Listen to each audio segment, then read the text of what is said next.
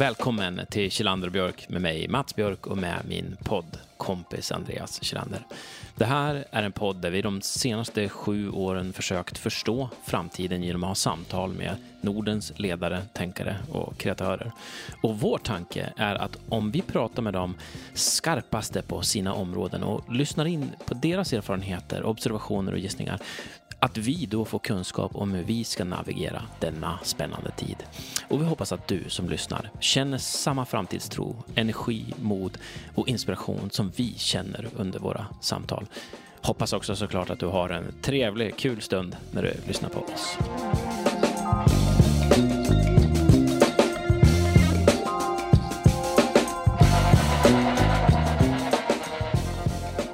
Alright, vi prata med Isabella Lövengrip om framtidens entreprenörskap idag. Om framgång igår var att lyckas med någon form av eh, rock'n'roll-entreprenörskap, skumpa, börsintroduktioner och mångmiljonsiffror åt alla tänkbara håll och kanter så kommer kanske inte morgondagens entreprenörskap se ut så. För när världen pressas av vikande konjunktur, viktiga hållbarhetsarbeten och en högoktanig techscen så kommer nog också entreprenören och investeraren och konsumenten ändra sina beteenden och ändra sina perspektiv. Men hur, undrar vi?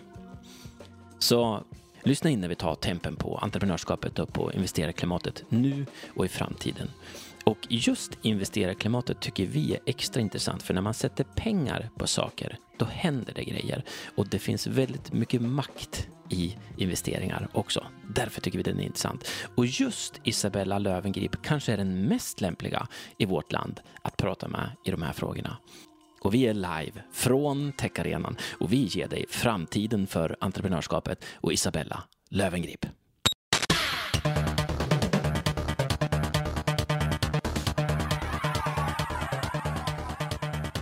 Välkommen till podden Isabella. Tack så mycket. Hur är läget? Det är bra. Jag har precis, eh, inte stått på scen, men jag har suttit på scen. Hur var det att sitta på scen? I en stol. Eh, nej, men det var jätteroligt. Det är, ju, eh, det är ju tunga frågor som avhandlas Ja. idag. Och jag hamnar ju i en panel med eh, ja, men verkligen tunga bolag som alltifrån ja, men pratar kring EU-reglering, kring hur man ska jobba med hållbarhet på, Mm. liksom på EU-nivå. Och, och det kanske inte är det jag gör till vardags. Nej. Men jag tänker, när du är med i en sån panel så tänker jag ändå att du kan göra värdefulla bidrag. Om man, eh, det, det går ju liksom lite fort där också, man ska reagera på det som pågår där. Så. Hur, hur känner du att det gick? Nej men det känns bra. Jag Ja. tror att det, det behövs en dynamik i en paneldebatt där man inte sitter och, och liksom klappar varandra på axeln. Nej. Och, Nej. för alla håller med om hållbarhetsfrågor. Det finns ingen här som tycker så här, nej du det här var inte bra. Eh, och sen tycker jag att det är viktigt, just för eh, moderatorn Linda, hon pratar ju om att eh, det är så bra att unga människor tänker mer hållbart. Ja. Men det är inte riktigt hela sanningen. Coolt. Det är inte det. För man tror att det växer upp en, en liksom Greta Thunberg-generation där alla slåss för miljön. Ehm, men, men precis som jag sa på scen, att följer man ungdomars pengar så landar du i ultra fast fashion. Ja. Just det, just det. Ja, men det är en, en tankeväckare. Det där tänker jag att vi kanske kommer in lite grann på i det här samtalet. Vi, eh, vi eh, eh, tänkte vi, vi kontextar lite grann för lyssnarna nu, från båda de här också. Jag tror att många har koll på dig, men vem är du Isabella?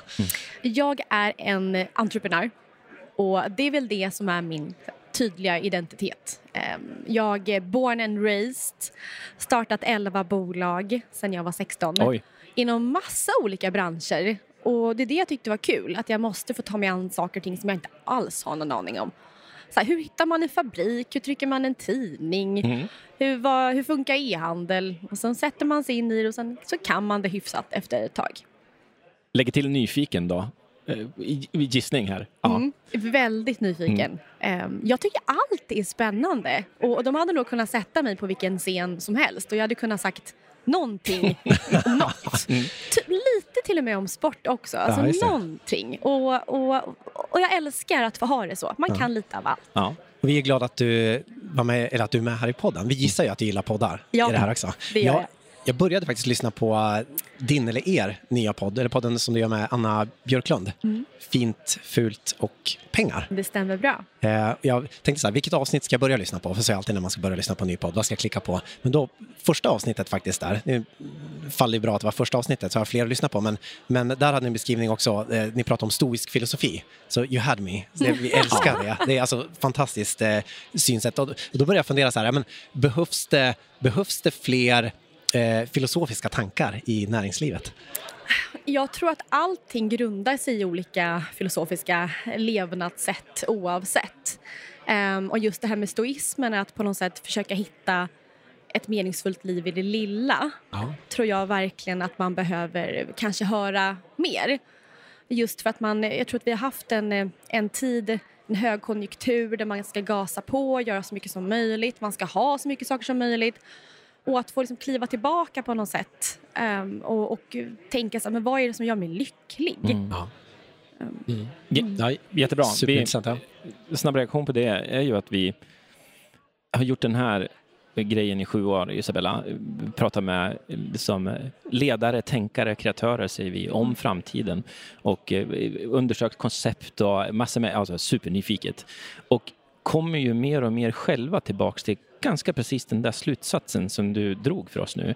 Alltså man måste starta med vad är definitionen av ett meningsfullt liv? Ja. Och, och det är inte nödvändigtvis mer av allt. Tvärtom, eh, vad är värdefullt? liksom, och det är, det är en ganska tung fråga. Alltså, Ja, och jag tittar på min egen resa när jag var yngre. Då var det så, jag vill komma upp i så hög omsättning som jag bara kunde. Mm, Just för att det var coolt. Ja. Och vet, man sprang på att sälja produkter, man sprang på allt för att nätverka bara fått få upp den här jäkla siffran så högt som jag kunde varje år. Sen att, att vinsten inte var så stor eller att jag inte mådde så bra, det, var, det kom liksom sekundärt. Mm. Och idag när man har passerat 30 med lite erfarenhet eh, bakom mig så inser jag att jag driver ju hellre ett bolag som är mycket, mycket mindre men som går lite med vinst och jag kan leva ett trevligt liv där jag kan resa lite med mina barn. Så det är ett, ett hög, liksom en hög kvalitet i mitt liv. Mm. Och ta in någon slags hållbar helhet där, i- liksom i företagandet där också. Ja, verkligen. Men vi har levt i en konjunktur där vi har sett eh, hur startups tar in liksom en kvarts miljon här, en kvarts miljon här och vi ska ta över USA och allting. Så det är klart att man, man, man dras med och känner att om jag omsätter 5-10 miljoner i ett litet bolag så känner man sig misslyckad. När ett så här rakhyvelsbolag värderar till en kvarts miljard. Mm. Ehm, men om man får se någonting positivt i det som sker just nu, att man förstår att mycket har varit uppblåst. japp. Och det är lite skönt på något sätt att få se det. Jag tänker ju själv, eh, liksom när jag hörde beskriva en, en typ av framgång där i omsättning, att man kanske inte har haft den där workshopen på riktigt då. Eh, Och jag vet inte vad som krävs av en för att man ska kunna komma kunnigt in att definiera vad som är lycka för en själv. Man behöver göra en del en del svängar, tänker jag. Alltså, eh, man, kommer inte, man ploppar ju inte bara ut och vet vad som är framgång för en själv. Det, man behöver kanske det, den här bakgrunden som du har då, för att komma till den där insikten. Och det, Verkligen. Men nu är vi där, Ja. tänker jag. Vad, All vad, right. vad, pågår, vad pågår i ditt liv nu? Jag träffar entreprenörer hela tiden Mm. som har olika tankar och idéer. Och förr i tiden när jag byggde upp en portfölj med onoterade bolag så, så kunde jag, alltså, jag kunde kliva in på en pdf Ja. bara att det kom in ett gäng som var så superglada och Mm. Det är liksom det är lite så här charmiga, nu ska vi ta över världen, tänkte gud vad kul, jag vill hänga på den här personen. Också så här nybörjarmisstag som investerare. Idag så vill jag verkligen att bolaget har levererat innan. Det är, Ja. De står på egna ben egentligen och Mm. den här kapitalanskaffningen handlar egentligen om att kunna kanske gasa lite snabbare än man hade tänkt. Mm. Det finns, Men- en, finns en bäring. Det finns en bäring. Och, um, så idag så har jag blivit lite mer... Tar inte lika mycket risker. Um, går jag in i en bransch så ska den vara mogen, eller nästan mogen. Och det ska finnas en bransch som inte är lika känslig mot konjunkturer. Och till exempel då Plegium som jag investerade i Mm. förra året. Det är alltså, försvarsprodukter är en mogen bransch till exempel i USA. Ja. Eh, där har var, var, var fjärde person har en pepparspray. Och vi är inte där i Sverige. Men jag tror att någon gång så kommer vi komma till ett stadie där vi tänker lite mer på säkerhet alltså som person när man går ut. Absolut. Så där ser jag det som en bransch som är hyfsad mogen Mm. och vi har, eh, alltså vi har förändrat produkter som redan finns på marknaden men man har gjort dem bättre. Mm. Alltså vi har inte uppfunnit hjulet. Och det jag också gör nu som ängelinvesterare, jag orkar inte gå in och ändra ett beteende. ehm, ja, men lära ett, en person att göra på ett annat sätt. Alltså den kostar mycket. För en av mina första investeringar var ett digitalt preventivmedel som heter Natural Cycles. Ja. Jaha, vad, jaha, spännande. Ja, så där var jag ängelin. Mm. Och, och helt Kul. plötsligt så skulle jag få kvinnor att byta preventivmedel. Alltså den är inte lätt. Nej, nej. Och säga det så här, gå från några trygga p-piller till att ta en tempen Mm. istället. Exakt. Eh, och det, det var kul men det var kostsamt och det tog tid. Det är ju två fans här då till Elina som har gästat podden Mm. också. Hon Ja. är världens coolaste tjej och även Otrolig. hennes man. Ja, verkligen båda två där. Nej, men det är jätteintressant. Jag eh, tänker fritt och högt här, det kan bli vad som helst. Men jag tänker att med din bakgrund, vår bild av din bakgrund gör att du är ju extra lämplig att vara utvärderare av entreprenörskap. Jag, bara tänker att det är ju jättelämpligt att ha fått testa sig fram lite för att komma fram till vad då, du kallar det misstag, för mig är det bara ren kunskap.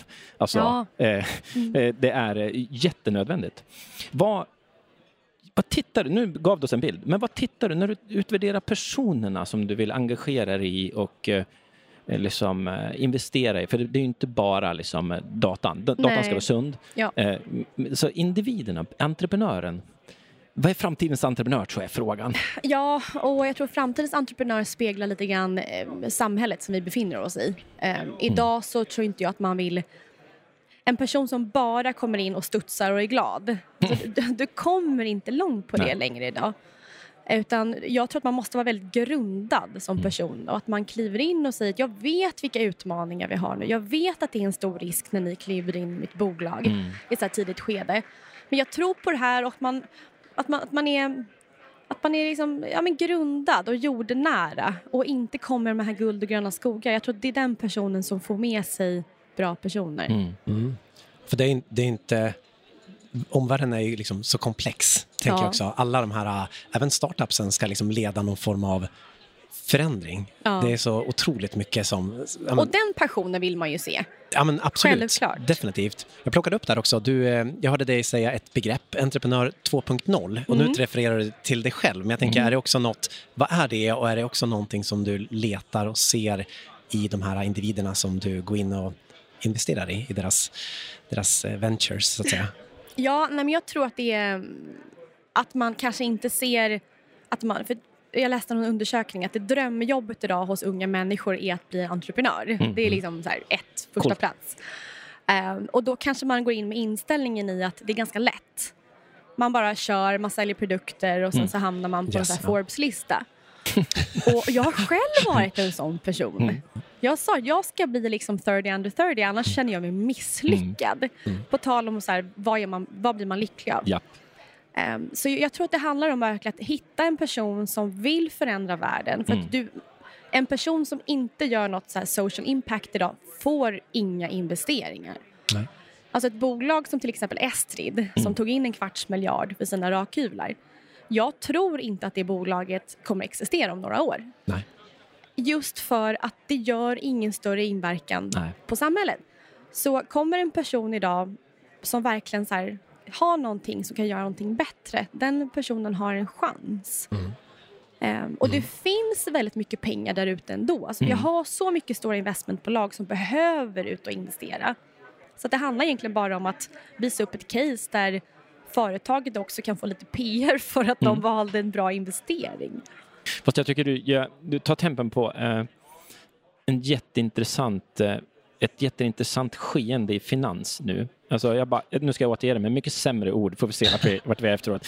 Nej, men just att om du inte har någon form av cirkularitet eller bevisad impact på samhället och att det länkar med att man faktiskt ska gå mot minst klimatneutral men mest, helst liksom plus då Ja. i, i någon form av definition av klimatframgång, eh, att man då inte har någon framtid. Nej, Inte och, alls. och om den inte kanske då heller utgår från kärnan i verksamheten utan att det blir en pastisch uppe på Mm. som det är.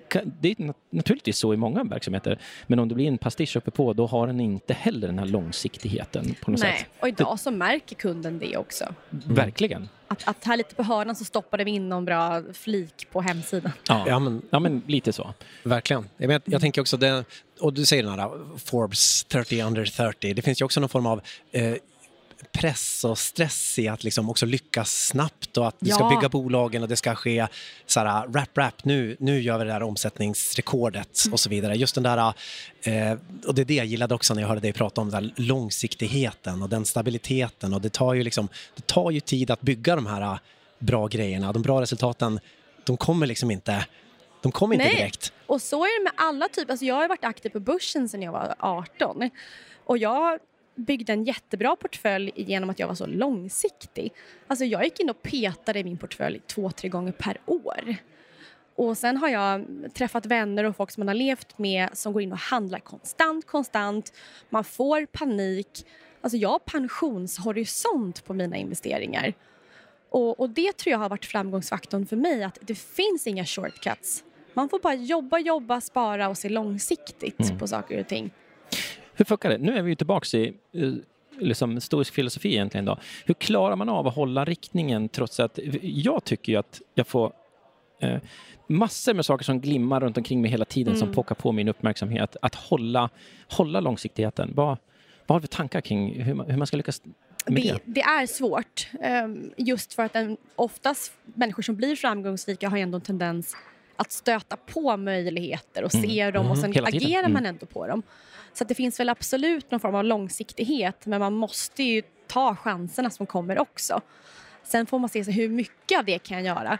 Alltså jag drev fyra bolag samtidigt, operativt. Mm. Och allt, tre av dem blev inget bra, just för att jag var inte på plats. Så där skulle jag backat lite grann och sagt så här, men nu driver jag mitt skönhetsbolag. Det är liksom det jag gör. Jag gör det här i några år nu så kan jag sälja av och sen kan jag fokusera på andra saker. Så absolut, det är svårt. Men sen får man inte glömma heller att om förutsättningar ändras så måste jag också ändra mina beslut. Slut. Slut. Och eh, världen ändras och lär man sig inte att reagera när saker och ting sker så kan det också gå väldigt fel. Så ha lite sådär makroperspektiv på saker och ting och ändå försöka eh, hitta någon balans mellan dina personliga mål Mm. och navigera däremellan. Ja, men man ser, gud, jag känner igen mig i den där bilden. Det är så lätt, tänker jag, man faller offer för det här, det, här, liksom, det glamorösa just nu. Eller det, Ja. som är, det som är lätt eller det som är på något sätt också garanterat. På något sätt. Ja, och det är så vi, alltså det är någon form av så här, eh, ja, men att, att överleva, survival of the fittest, att Mm. hitta de där möjligheterna. Och så det är ju en bra egenskap.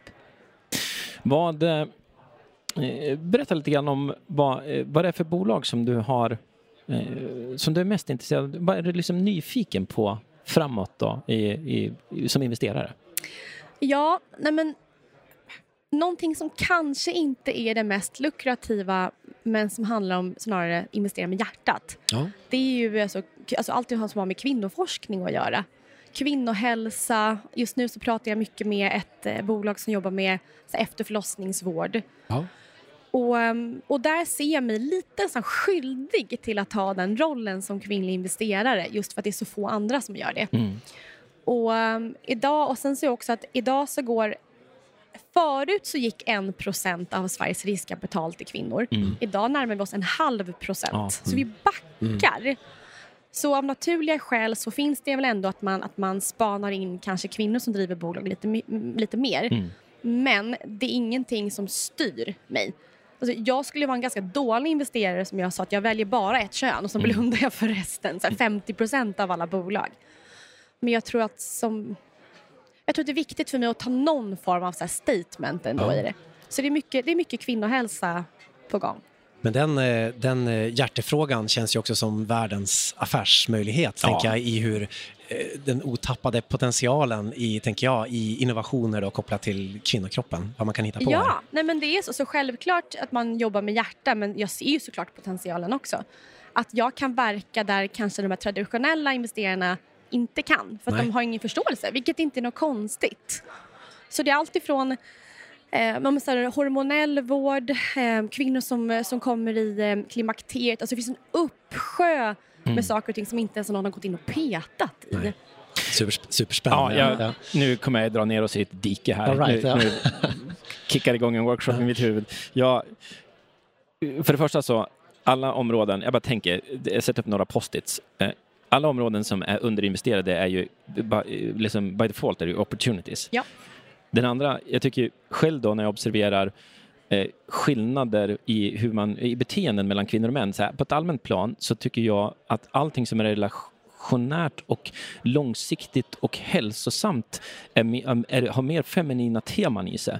Så det finns då alltså ett område som redan har beteenden i sig, som dessutom det inte är investerat i. Som det, så, alltså, alltså, det känns som en sån mega möjlighet att, att bara röra sig i den domänen. Ja men verkligen. Added att det dessutom är hjärtat. Mm. Liksom, så liksom någon form av trippeljabb, tänker Ja. jag spontant. Och sen tror jag också det är så viktigt som om man eh, jobbar som ängelinvesterare, att man som du sa att man väljer spår och riktlinjer. Mm. Och där kanske ska man vara lite försiktig i att det blir för utspritt. Utan man Mm. kanske väljer, och sen kan det vara ett ganska brett spår. Och det handlar också mycket om att bygga upp ett varumärke som Absolut. investerare. Mm. Och vi, du, Andreas, framförallt, har ju liksom försökt prata mycket de här senaste dagarna om just att man är specialiserad i en vertikal som investerare. Jag vet inte varför vi pratar om det hela tiden, men, men liksom just att det finns en det finns ett himla värde av att kunna en domän. Ja.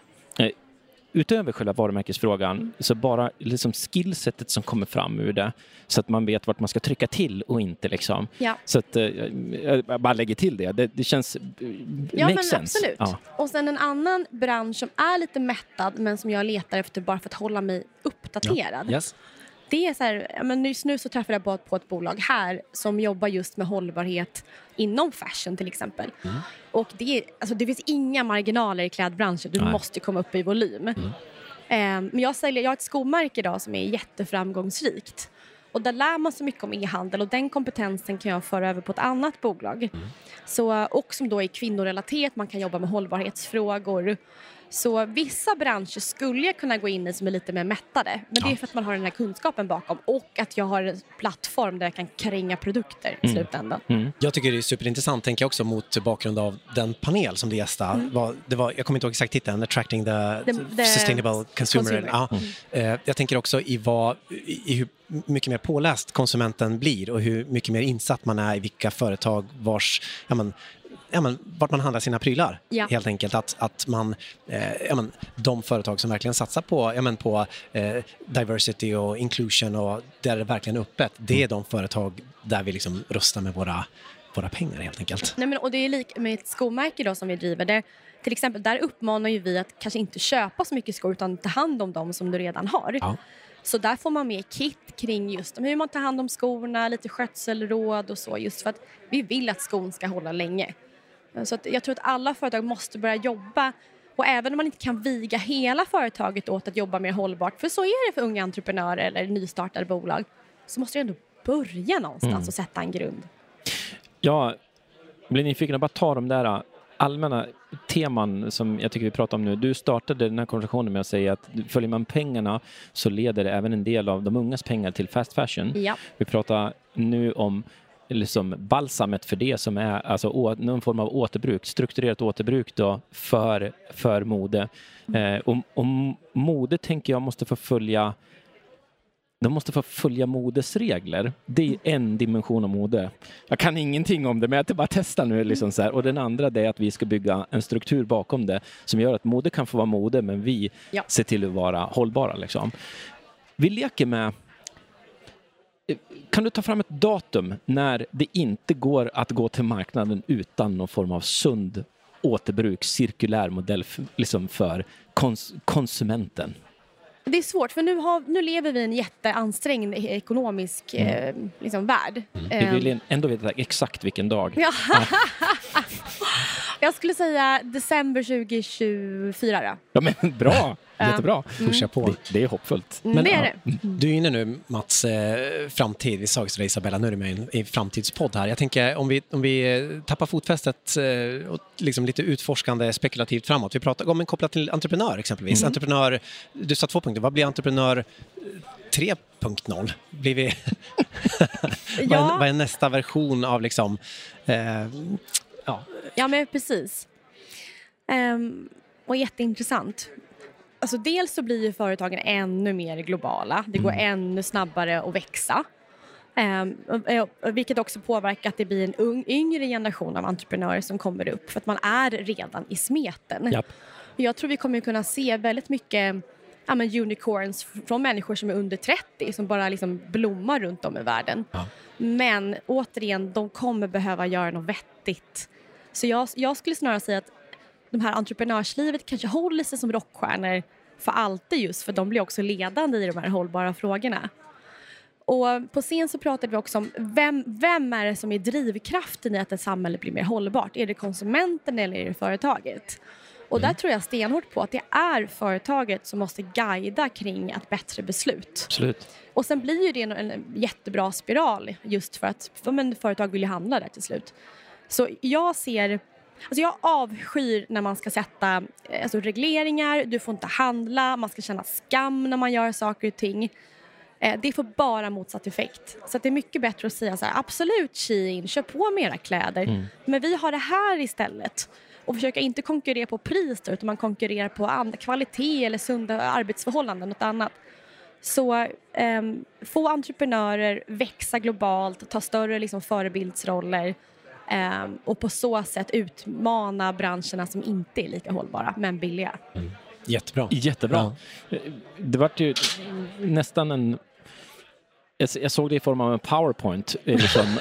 Hur, Var det en komplimang? Ja, eller var ja, det, det liksom, var det. Det var som i, I upp. Mats sammanhang är det en komplimang. Jag har aldrig gjort en keynote eller powerpoint i hela mitt liv. Det, var, det, jag såg, liksom, det var så himla tydliga hörn där med det här är liksom egenskaperna i framtidens entreprenör.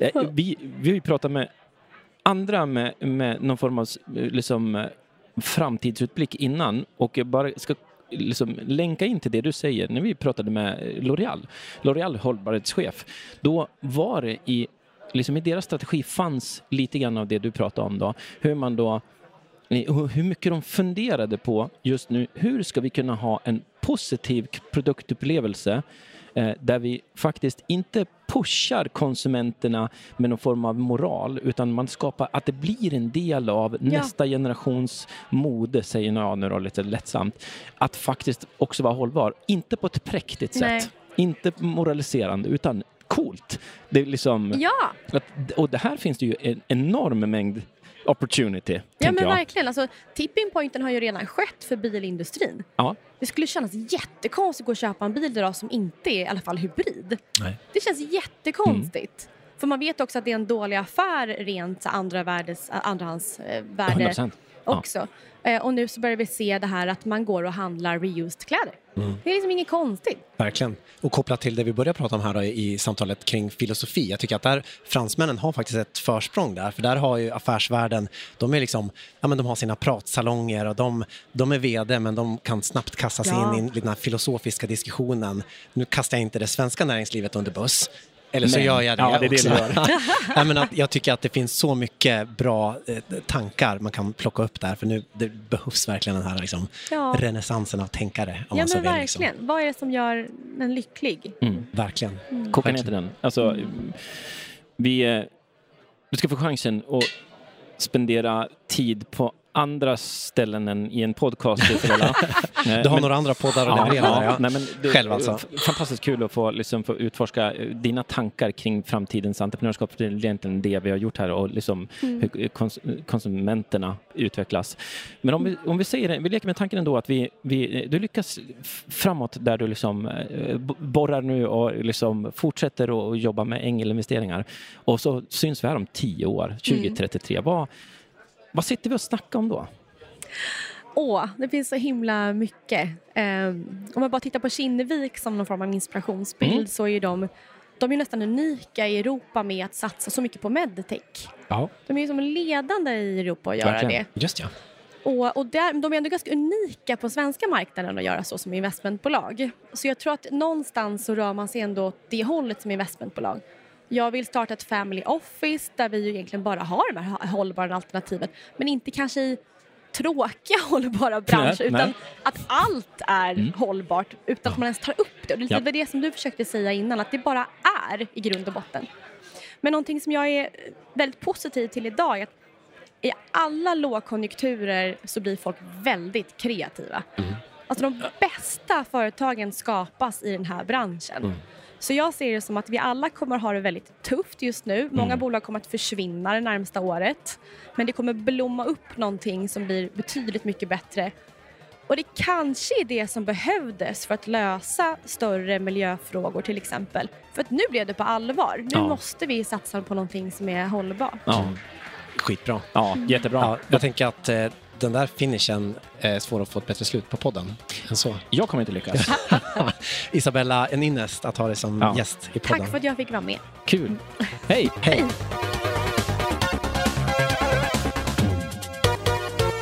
Stort, stort tack för att ni har lyssnat. Vad tänker du? Ja, men vi tycker att det fanns massor med intressanta observationer här. Eh, Tre top of mind just nu för oss är alltså först och främst stoicismen som vi då fångar upp i fler och fler av Nordens ledare, tänkare och kreatörer. Och vi är ju själva eh, stora fans av filosofiformen och tog in att Isabella verkligen har definierat vad som är framgång och meningsfullhet för henne. Så Googla memento mori och amor fati eller googla stoicismen så kommer de där begreppen fram om du vill klicka in på en 2500 år gammal personlig utvecklingsform. Gillade också spanet med den hållbara generationen som eh, Isabella inledde med. Att man faktiskt kan vara både Greta Thunberg och fast fashion framtidigt. Och utan att gå för djupt i det så är den värd att hålla lite extra koll på faktiskt tycker vi. Det finns en intressant dynamik, ett skav i det som eh, är kul att prata vidare om. Tog också in att Isabella är pro att marknadskrafter ska reglera villkoren för handel själva. Det här tycker vi är jätteintressant. Och Hon skulle få en high five av Obama, Anders Borg och andra smarta frihandelstänkare. Och någon klok sa i ett tidigare samtal vi har haft här på podden om man reglerar för mycket då blir det som att gå på en fotbollsmatch med bara domare. Så frågan är om vi någonsin kommer hitta rätt balans i en sån här sjukt svår fråga.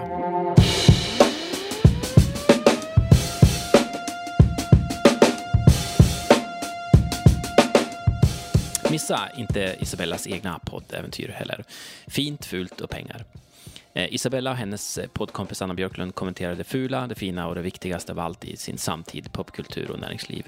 Vi är fans och rekommenderar varmt en lyssning. Igen, stort tack för att du har lyssnat. Tack för pepp, tack för delningar, tack för engagemang och prenumerationer. Och extra stort tack till er som skickar in gästförslag. Och vi får in mer och mer förslag och feedback på att vi borde undersöka framtiden för hälsa mer. Och det ska vi. Med det sagt, ut och ha en fin dag. Ut och veva. Ha det bra. Hej!